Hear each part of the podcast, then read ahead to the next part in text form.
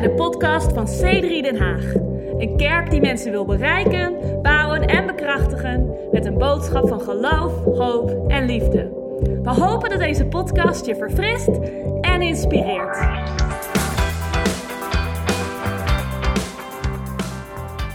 Spreuken 24, vers 5 en 6. Dus dat kun je even opzoeken op je phone of je, uh, je, je echte Bijbel, als je nog je echte Bijbel meeneemt naar de kerk. Hier gaan we. Een wijs man is sterk en een man van kennis zet zijn krachten in. En de Engelse vertaling zegt: een man van kennis wordt steeds krachtiger of wordt sterker en sterker. Want naar rijpe raad zult u oorlog voeren voor uzelf. En in een veelheid van raadgevers ligt de overwinning. Hey, laten we bidden. Vader God, ik dank u voor uw woord. En ik dank u dat u hier vanochtend bent. En ik bid dat u ons helpt om uw woord te begrijpen en om nieuwe dingen te zien. En ik dank u dat u alle wijsheid hebt, zodat wij uh, goede relaties kunnen hebben met vrienden en met families. En dat is wat u voor ons wil. Dus ik dank u dat iedere persoon hier vandaag en ook mensen die luisteren naar de podcast, naar deze boodschap, dat we, dat we meer wijsheid hebben van u voor hoe we goede relaties kunnen hebben in ons leven. En we danken u hiervoor. In Jezus' naam. Amen. Dus hier hebben we een beeld van uh, een koning van het land die oorlog wil voeren. En uh, die is omringd met, uh, met raadgevers. Er staat, een wijsman is sterk, dus is goed om te weten. Wil je sterk zijn, wijsheid maakt je sterk. een man van kennis wordt steeds sterker of zet zijn krachten in.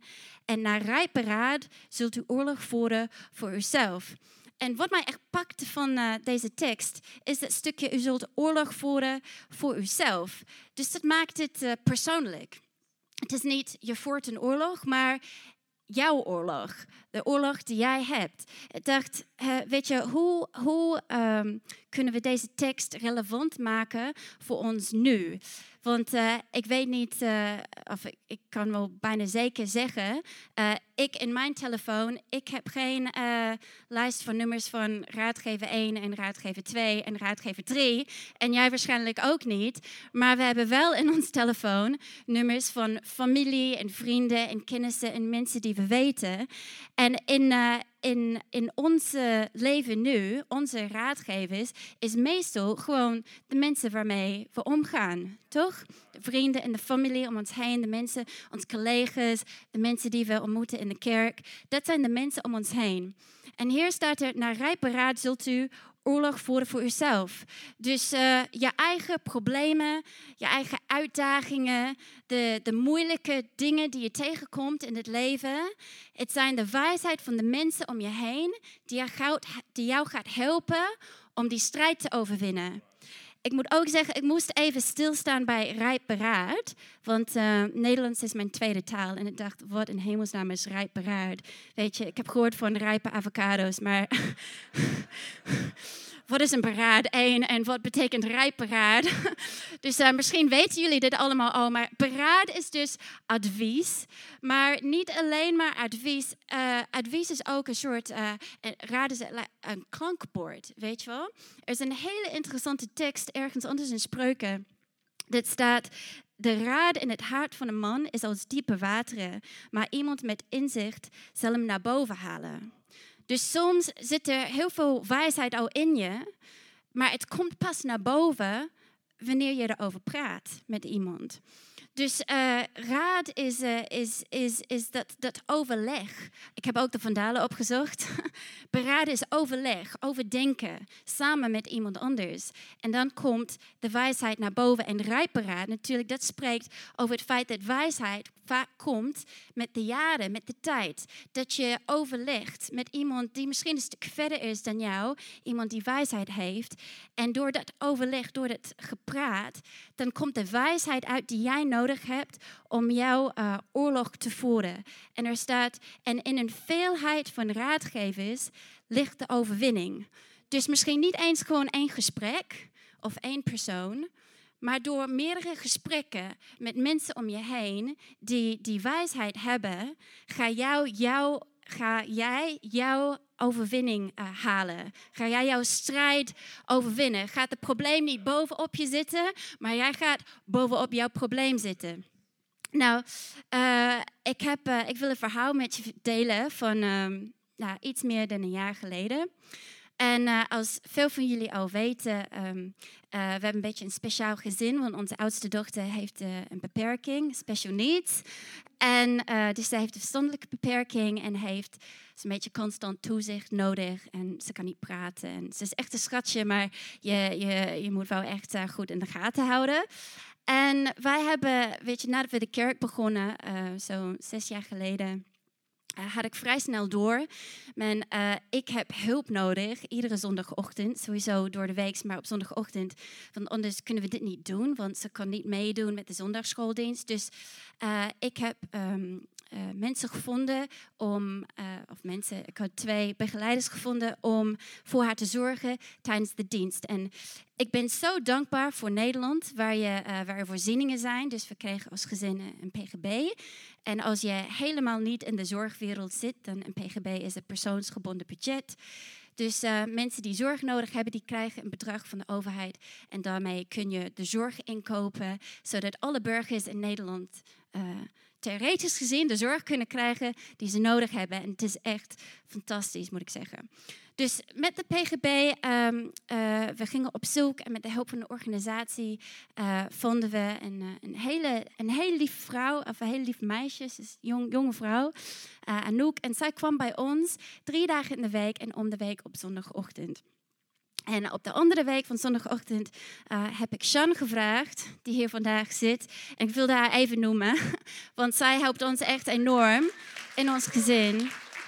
Maar weet je, kan ik ook zeggen, uh, het is niet alleen maar Shan, maar er zijn heel veel mensen die, je zult ze nooit uh, eens op de eerste rij zien, laat maar staan op het podium. Maar door hun werk, die gewoon niet zichtbaar is, zij maken de kerk mogelijk. Dus kunnen we ook een applaus geven voor al onze vrijwilligers, die fantastisch Iedere week. Het is ongelooflijk. Maar goed, dus uh, uh, ik leunde enorm veel op Anouk. Zeker in de eerste paar jaar. Uh, we kenden niemand in Den Haag toen we hier kwamen. Mijn familie is in Nieuw-Zeeland.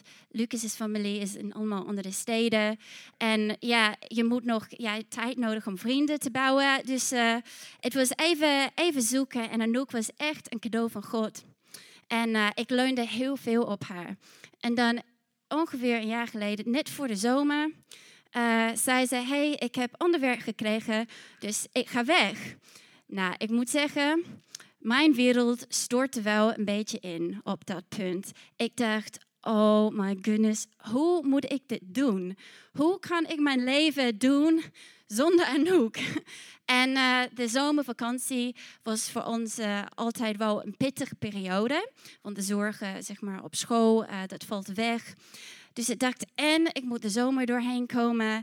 En ik moet tijdens de zomer iemand vinden voor door de week en op zondagochtend. En uh, ik, weet, ik, wist uit ervaring dat als je een, uh, een uh, advertentie plaatst met: hey, we hebben werk voor je op zondagochtend, er wordt niet heel enthousiast gereageerd, oké? de meeste, wat zeg je? Oh, omdat iedereen naar de kerk wil, ja, dat is het. Maar weet je ik dacht, ja, hoe moeten we dit doen? Ik had al gesproken met de organisatie. Ik wist, zij, zij hadden niemand. En uh, ik moet eerlijk zeggen, mijn gedachten, ik ging e-, echt in een neerwaarts spiraal. Zeg ik dat goed? Ik ging down. Oké, en ik heb een beetje creatieve persoonlijkheid, dus ik kan heel echt de highs en ik kan ook echt enorm de lows. En ik dacht, man, en weet je, ik werd echt super donker in mijn gedachten. Ik dacht, wat, wat is dit nou? Hoe ga ik hier doorheen komen? En um, weet je, we hebben heel veel vrienden ook in deze kerk. En inmiddels, we voelen ons echt enorm gesteund. Maar uh, als alle ouders weten, hulp vinden voor je kinderen. Weet je, je kunt niet zomaar iedereen vragen. Er moet een soort klik zijn en uh, iemand moet beschikbaar zijn. En die twee dingen is vaak een moeilijke combinatie, weet je wel. Dus als je, als je een jong persoon hier bent, kun je jonge ouders heel blij maken door even af en toe op te passen. Maar goed, um, dus ja, ik wist gewoon, weet je wel, ik dacht, hoe, hoe, hoe kom ik eruit? Nou, omdat ik uh, een pastor ben, zit ik in een appgroep met alle andere uh, C3 uh, vrouwelijke pastors, zeg maar, in Europa.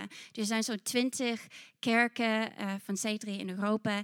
En we hebben een app, zeg maar, alleen de vrouwen, waar we af en toe er wat ingooien. En opeens kreeg ik een idee dat ik even in de appgroep zou kunnen zeggen: hey, dit is mijn probleem, misschien kan je voor me bidden. En um, sommigen van jullie zouden dat helemaal geen probleem vinden, maar ik vond het eigenlijk een beetje een oncomfortabel idee. Ik dacht, ja, wil ik dat nou echt? Weet je, want dan weet iedereen gelijk, ben ik gelijk dan de probleemvrouw. weet je, dan dacht ja, dan weet iedereen gelijk waar ik mee zit. En uh, ik weet niet, ik, voel, ik dacht, nou, dat, dat wil ik eigenlijk gewoon niet doen. Dan ben ik een van die vrouwen. Nou, kan ik zeggen, soms Soms moet je even een pauze nemen in jouw gedachtegang om even naar jezelf te luisteren. Want soms gaat er echt de meest krankzinnige dingen door je hoofd. Echt serieus, kan ik je vertellen. Niet alles wat door je hoofd heen gaat is van God. En ook niet alles wat in je hoofd opkomt moet je serieus nemen alsof het de waarheid is. Weet je, want soms gebeuren er echt van allerlei dingen in je hoofd. En soms moet je even stoppen en zeggen, hey, wat bedoel je nou Nicola? Dan ben je net als een van die vrouwen Bedoel je een van die vrouwen met goede vriendschappen? Bedoel je een van die vrouwen die door een probleem heen komen? Misschien ben ik een van die vrouwen die een goed huwelijk hebben. Ik bedoel, wat, wat bedoelde ik? En ik wist, ik wist gewoon in mijn hart, oh crap, dit is een woord van God. ik weet niet of ik dat moet zeggen. Misschien moeten we dat editen uit de podcast. ik wist, oh, ik weet van God, dit moet ik gewoon doen. Ik moet gewoon deze stap zetten. En voor mij, ik weet niet waarom, maar ik vond het heel erg moeilijk. Maar ik dacht, ja, God gaat me gewoon niet met rust laten. Totdat ik om hulp heb gevraagd van die vrouwen. Ik dacht, weet je, geen van hen heeft een kind met een beperking. Dus hoe kunnen ze me nou helpen? Maar dat is eigenlijk ook weer een beetje zo'n onzinnige uh, gedachte, eerlijk gezegd. Weet je, want mensen kunnen je ook helpen, ook al hebben ze niet precies hetzelfde meegemaakt. Dat is waar. Dus ik stuurde die app. Weet je, hier zit ik mee. En ik was heel eerlijk. En, uh, en ik zei, misschien kan je voor me bidden. Bam. En ik zette mijn telefoon neer en ik stond op, ik was in mijn slaapkamer. En ik moet zeggen, ik voelde gewoon alsof er iets in me brak. En ik weet niet wat het was. Misschien was het juist een stukje trots. Misschien was het een stukje angst dat ik me zo kwetsbaar had opgesteld. Of misschien was het gewoon een stukje mijn onafhankelijk persoonlijkheid, waar ik een beetje trots op ben, zeg maar. Maar iets brak in mij en ik begon te bidden. En ik kan je vertellen, de aanwezigheid van God kwam zo tastbaar in mijn slaapkamer. Ik had echt maandenlang God niet zo dichtbij gevoeld. En ik, ik kreeg niet op die avond gelijk de antwoorden, maar ik wist dat God mij gehoord had. En vanaf dat moment, ik heb niet de tijd in deze dienst uh, om je het hele verhaal te vertellen, maar er begon van allerlei dingen te gebeuren in mijn leven, toevallige dingen. Weet je, ik kreeg heel toevallig wijs een soort boek langs me heen. En meestal lees ik boeken van. Ja, ik lees niet altijd heel veel christelijke boeken, laat maar zo zeggen. Maar deze, dit boek begon ik te lezen. Ik, ik ben meer van de literatuur. Maar. Oh, sorry, dat klinkt misschien fout. Ik bedoel. ik bedoel, romans, laat maar. Ik ga gewoon snel verder. maar ik, um, ik, dit boek dat sprak zo tot me en uh, dat bemoedigde mij om even het woord van God op net een andere manier te lezen. En opeens, nou, ik heb een soort een journaal waar ik wat opschrijf als ik het gevoel heb dat God iets tegen me zegt. En ik kan echt heel lang doen over één journaal, maar de laatste half van mijn journaal heb ik in misschien zo'n 21 dagen of 20 dagen gewoon helemaal vol geschreven met de dingen die God tegen me zei. En de, ik pakte mijn telefoon weer en binnen een uur had ik zoveel berichten van mensen die mij uh, bemoedigden. En uiteindelijk vonden we op hele bijzondere wijze uh, uh, iemand die ons kon helpen. En, maar het was, was echt over een paar maanden was ik in een hele andere plaats in mezelf. Dat ik zo anders keek naar mijn leven. En dingen begonnen zoveel beter te gaan. En ik kan zien dat het allemaal begon met het ene moment dat ik besloot: hey, ik ga niet mijn probleem alleen proberen op te lossen. Ik ga niet proberen om mijn strijd in mijn eentje te vechten, maar ik ga uitreiken. Ik ga, ik ga de appje sturen. Ik ga zeggen: hey, kan je met me bidden? En dat is, uh, dat is precies waar deze tekst over gaat. Over dat moment dat je beseft, hey, ik, niet, uh, ik kan het niet altijd alleen, maar ik heb hulp nodig, ik heb advies nodig van andere mensen. Wat ik je wil zeggen is, um, het is niet per se dat als je uh, om advies vraagt, dat mensen om je heen zo weten precies wat je moet doen. Uh, dat is vaak niet zo. En soms wil je dat ook niet. Maar wat mensen om je heen wel kunnen doen, wel, uh, ze zullen je wel beïnvloeden in de manier waarop je naar jouw probleem kijkt.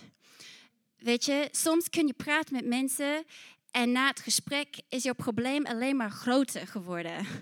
Maar soms praat je met mensen en ze helpen jou om te kijken naar jouw probleem met ogen van geloof.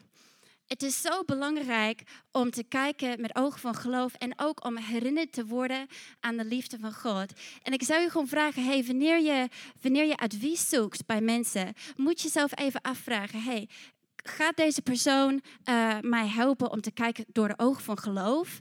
Gaan ze me herinneren aan de liefde van God? Want wie weet vaak, wanneer je echt midden in de problemen zit, je kan je situatie vaak niet rijmen met de liefde van God. En als je in je eentje zit, weet je wel, dan ga je gedachten gewoon maar denken. En voordat je het weet, denk je van alles. Je denkt, ja, niemand anders heeft meegemaakt wat ik nu meemaak. Dit is zwaarder dan wat alle mensen nu uh, zitten. Mijn leven is zwaarder dan de rest. Uh, ik weet niet of God meer kan vertrouwen. Ik weet niet of de kerk op dit moment echt nodig heeft. En al deze gedachten, die zijn niet uh, behulpzaam. Die zijn, zijn gedachten die je naar beneden trekt. En soms heb je iemand anders nodig die langs je komt en zegt, hey, maar weet je nog... Als God niet van je hield, dan had hij niet zijn zoon gestuurd om voor jou te sterven. En soms, ik weet niet waarom dingen in ons leven gebeuren, maar ik weet dat de antwoord niet is omdat God niet van je houdt. Kan je dat volgen? Het was een dubbel, dubbel negatief. het is niet omdat God niet van je houdt. God houdt ontzettend veel van jou. En wanneer je midden in de strijd zit, heb je er even nodig dat iemand langs je komt, langs bij je staat en zegt: Hey, weet je nog? God houdt van jou. Dit is niet het einde. Jij zal hier doorheen komen. We hebben mensen nodig die ons bemoedigen om te bidden, te blijven bidden en om door te zetten. Dus uh, mensen waarmee je praat, die helpen je met hoe je naar je probleem kijkt. Maar er zit ook enorm veel kracht soms in gewoon dingen tot het licht brengen. En ik wil dit, uh, dit is zo'n mooi tekst hier, is 1 Johannes 1, 7. Er staat, als we in het licht wandelen, zoals Hij in het licht is, hebben we gemeenschap met elkaar. En het bloed van Jezus Christus, zijn Zoon, reinigt ons van alle zonde. Dus weet je, God is in het licht. En wanneer wij, uh, wanneer wij uh, open zijn met elkaar of eerlijk zijn met elkaar, dan brengen we dingen tot het licht. En daar kan, daar kan het werk van het kruis werken. Daar kan, uh, daar kan onze gedachten weer zeg maar, op een reset krijgen van, hey, weet je, wat zat ik nou te denken? Weet je, God, God heeft me vergeven. hey, er is een nieuw leven. hey, er is, het is mogelijk dat ik hier doorheen kom. Dus wanneer we dingen tot het licht brengen, dan, dan, uh, dan komen we eh, een stap dichter bij vrijheid en een stap dichter bij de overwinning. En het is ook, uh, weet je, um, nogmaals, het gaat niet altijd als mensen naar je toe komen dat je per se de antwoord moet hebben of advies moet hebben. Maar dat we naar elkaar luisteren, voor elkaar en met elkaar, is zo krachtig. Dus ik heb twee vragen voor jou vanochtend. En de allereerste is, uh, wie zijn jouw raadgevers? Wie, wie zijn de mensen in jouw leven naar wie je toe gaat wanneer het niet goed gaat? Uh, wie zijn, en niet alleen maar waar je een probleem mee deelt, maar wie zijn de mensen wiens advies jij ook zou opvolgen? Zeg maar, die, waar je echt naar luistert, die, die jou beïnvloeden hoe jij naar jouw probleem tegenkijkt. Um, als dit nu, uh, ik ben docent uh, in mijn vrije tijd. en als dit nu een klaslokaal zou zijn, zou ik zeggen, neem even een minuut om voor jezelf op te schrijven wie jouw raadgever zijn. Oké, Maar goed, dat ga ik nu niet doen. Maar het is echt een goede oefening om, daarna, om daarover om daar stil te staan, daarbij stil te staan. En uh, misschien voor sommigen van jullie is je lijst eigenlijk te kort. Je denkt, uh, weet je, maar twee of drie namen. Weet je wat het is? Er staat hier een veelheid van raadgevers. Want uh, de ene persoon heeft heel veel wijsheid en geloof op dit gebied. En de ander heeft veel wijsheid en geloof op dat gebied. Weet je wel? Dus ik vind het fantastisch als je, weet je, een paar mensen hebt waar je denkt, ja, als ik echt hiermee zit, dan, uh, dan ga ik naar deze persoon. Als ik hiermee zit, dan ga ik naar deze persoon. Dat is, uh, dan sta je nog sterker. Dus sommige van jullie, misschien moet je je lijst uitbreiden, maar sommige van jullie, misschien moet je lijst even inkorten. Want niet iedereen heeft wijsheid.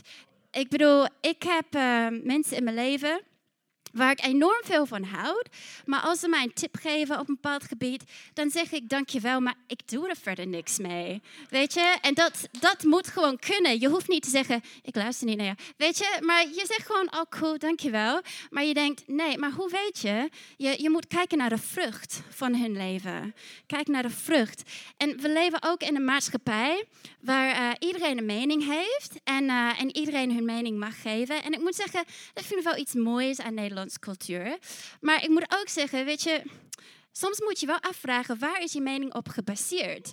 Want als je mening niet gebaseerd is op het woord van God en misschien ook als het niet de test van een paar jaar heeft uh, doorstaan, ja, misschien moet je afvragen hoe, hoe sterk moet ik vasthouden aan mijn eigen mening? Dus mijn tweede vraag voor jou is, hoe open sta jij voor de wijsheid van anderen? Weet je, de Bijbel heeft zoveel te zeggen over het belang van leerbaarheid. Is leerbaarheid een woord? Mooi. Teachability of leer. Ik moet zeggen, leergerigheid of leerbaarheid is misschien wel een van de mooiste eigenschappen die je kan hebben. Want als je nog open staat om te leren, dan kun je steeds wijzer worden. En als we net hebben geleerd, wijsheid maakt jou sterk. Wijsheid maakt jou sterk in alle gebieden van je leven. En ik heb niet de tijd om al de teksten in de Bijbel voor te lezen die gaan over het belang van wijsheid. Er, er zijn teksten in spreuken waar. Um, uh, de, de auteur die uh, koning Salomon was, hij zegt, mijn zoon, mijn zoon, luister naar mij. Als je naar mij luistert, geef ik je de wereld. Ik geef je rijkdom, ik geef je eer. Je zal een lang leven hebben. Als je, uh, als je uh, naar mij luistert, als je wijsheid zoekt. Zoekt wijsheid, zoek wijsheid en je zal een lang en gelukkig leven hebben. Weet je, en heel veel uh, dingen beginnen bij wijsheid. Maar wijsheid kun je niet krijgen als je niet open staat om te leren. Dus om te leren van elkaar. Weet je, jij kunt iets leren van iedereen. Er is altijd, je kunt altijd iets leren van, uh, van, van iemand aan je heen. Zelfs als je ze niet echt heel erg leuk vindt, kan je iets van hen leren. En um, daar heb ik een verhaal over, maar ik denk, ik ga gewoon verder. Maar, wat zeg je? Keep, good story? Oké, ik ga een verhaal vertellen. Uh, toen ik net naar Nederland kwam, uh, was ik de music director voor worship team. En uh, ik had een, paar, mannen in het team.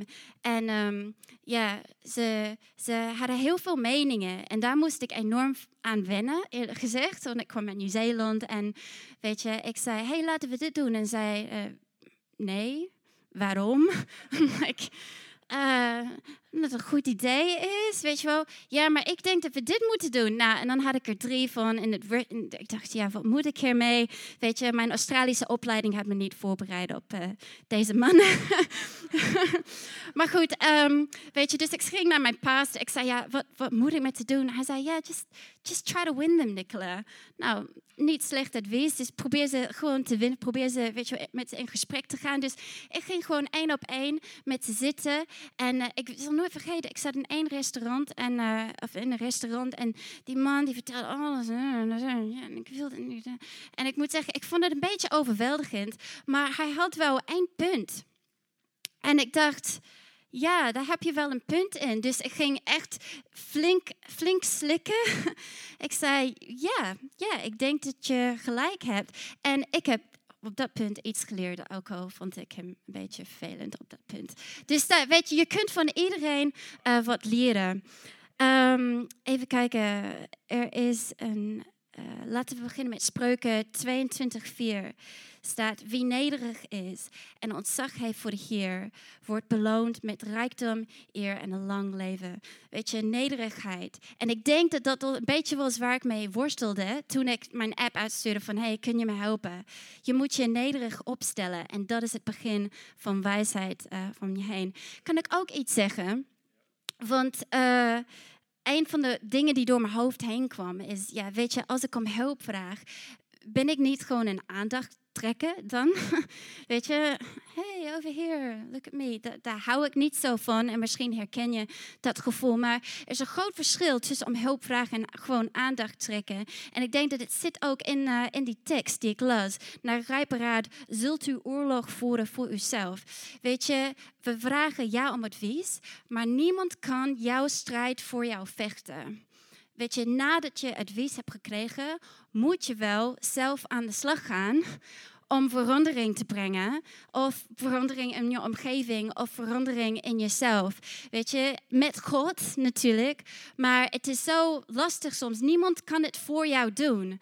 Dus we vragen om hulp en daarna vervolgens moeten we wel zelf aan de slag gaan. En als je alleen om hulp vraagt en niet aan de slag gaat, dan kan er misschien sprake zijn van aandacht trekken. Maar voor de meeste van ons is het helemaal niet zo. Weet je, we vragen om advies en dan gaan we vervolgens aanpakken, dan, dan weten we, ah, dit is hoe ik mijn strijd kan aanpakken. Dit is hoe ik hier doorheen kan komen. Dus dat. En dan het laatste wat ik met je wil delen is, uh, omdat dit punt zo belangrijk is, uh, dit is uh, niet alleen maar, um, het is niet, niet alleen maar iets dat God ons vertelt, dat wij weten, hey, samen zijn we sterk, samen uh, kunnen we uh, onze strijd overwinnen. Maar de duivel weet het ook. Dus de duivel zal alles doen om, uh, om jou alleen te krijgen, om te voorkomen dat jij goede relaties hebt met mensen om je heen. Want hij weet, hey, als die persoon in de kerk zit en die heeft het gesprekken met mensen daarna en die gaat naar connectgroep op dinsdag, nou dan heb ik helemaal geen kans. Dus de duivel, en ja, we hebben het over de duivel, want het is de kerk en we geloven in geestelijke dingen. Dus er is een God en er is een duivel, maar God is veel sterker en wij winnen. Oké, maar de duivel weet, de duivel weet dat als hij je alleen kan krijgen, dan ben je kwetsbaar. Weet je, dan heeft hij vrije spel in je denken, of hij kan vrij, weet je wel, want er is niemand om je heen om jouw gedachten uit te dagen. Weet je, hij zegt, ja, God houdt toch niet zo heel veel van jou. En jij denkt, ja, God houdt toch niet zoveel van mij. Maar dan ga je in de kerk, God houdt van jou. En je denkt, wat was die stomme gedachte, weet je? Dus uh, dat is het. Dus daarom is het zo belangrijk om bewaakzaam te zijn voor de tactieken die de duivel gebruikt om jou alleen te krijgen. En een van de grootste tactieken is door uh, belediging. Het gevoel dat je beledigd wordt, het gevoel dat er jouw onrecht is gedaan. Laten we beginnen met Spreuken 18, 19. Er staat, een broeder wie onrecht is gedaan, is aangedaan, is erger dan een sterke stad. En ruzie zijn als de grendel van een vesting. Dus hier zie je een plaatje van iemand die iets heeft meegemaakt. Iemand heeft hem niet goed behandeld. Iemand heeft de verkeerde ding gezegd. Iemand heeft hem genegeerd. Iemand uh, reageerde niet snel genoeg op zijn appje. Iemand likte zijn Instagram-post niet. En die denkt: Weet je, ik heb er genoeg van. Ze zeggen dat ze christenen zijn. Ze zeggen dat ze van me houden. Maar blijkbaar niet. Dus, weet je wel. En dan trek je je terug. Ophaalbrug omhoog. Je bent als een vesting. Dan ben je omsloten, zeg maar. Als, uh, als, als een, wat staat er? Als een sterke stad. En niemand kan jou meer bereiken vanwege jou, die grote muren om je heen. En weet je, je weet wanneer je je beledigd voelt. Wanneer je een hele lange app wil sturen. Oh, backspace, backspace, Weet je, er is een hele grappige psalm in Psalm 39, vers 1. Er staat, um, uh, God, ik wil u eren. Ik ga een, uh, wat was dat woord, een muilkorf op mijn mond doen, zodat ik u, zodat ik niet zondig met mijn mond. Nou, ik vind het hilarisch, want je moet je onthouden, al die psalmen die waren geschreven om te, om te zingen. Hè? Dus stel je voor, songwriters, als je inspiratie wil, God, ik doe een muilkorf op mijn mond. Weet je, ik vind het echt super grappig. Maar ik denk, ik denk in de 21ste eeuw eigenlijk nog relevanter is, God, doe een melkkorf op mijn duim, zodat ik niet op verzend druk, weet je wel. Want jij kunt relaties breken en kapot maken door te snel op boosheid dingen te mailen en dingen te appen. En dan moet je zeggen, dat, dat gaat gewoon niet goed. Dan, ben je, uh, dan, dan, weet je, dan bouw je een hele grote muur tussen, tussen jou en, en de andere persoon. Weet je, het is goed om dingen uit te praten, maar je moet altijd eerst even naar, je, naar jezelf kijken. Je moet altijd eerst aan je hart werken. Weet je, dat vergeving komt eigenlijk eerst voordat iemand sorry zegt. Nou, dat is een hele interessant ding om even bij stil te staan. Het is niet eerst sorry zeggen en daarna vergeving. Het is eerst vergeving en daarna sorry zeggen. Want vaak een houding van vergeving maakt ruimte voor sorry.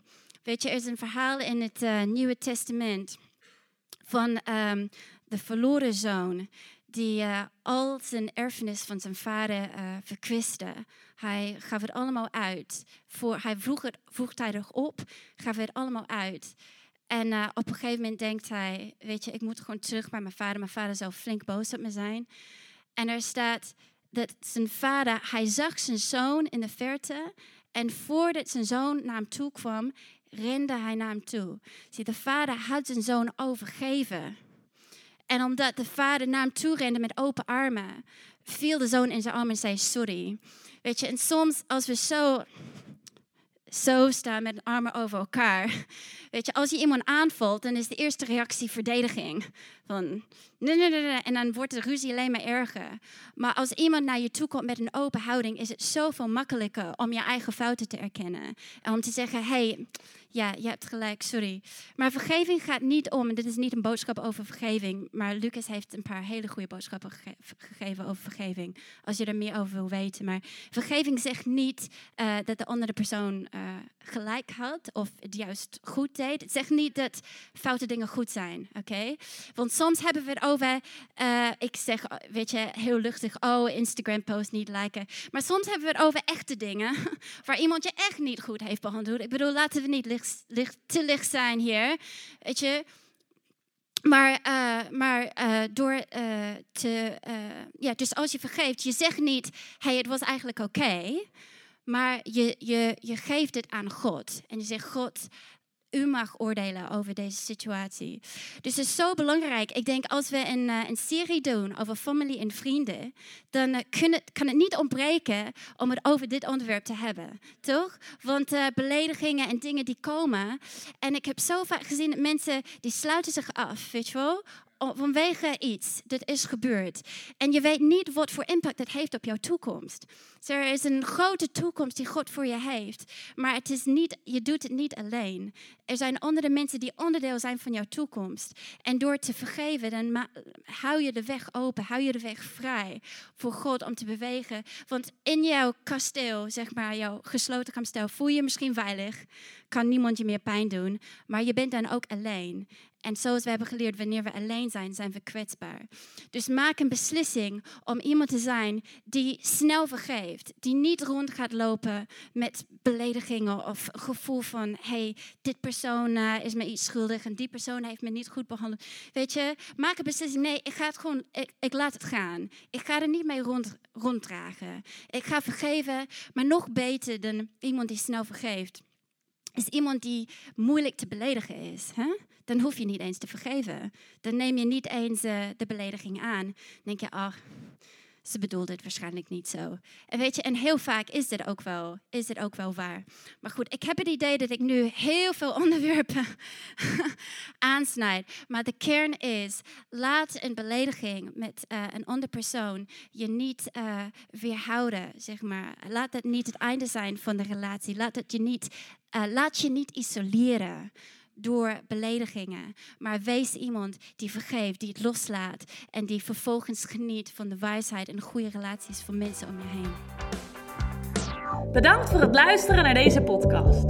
Wil je er op zondagochtend ook een keer bij zijn? Je bent van harte welkom. Ga voor meer informatie naar c3denhaag.nl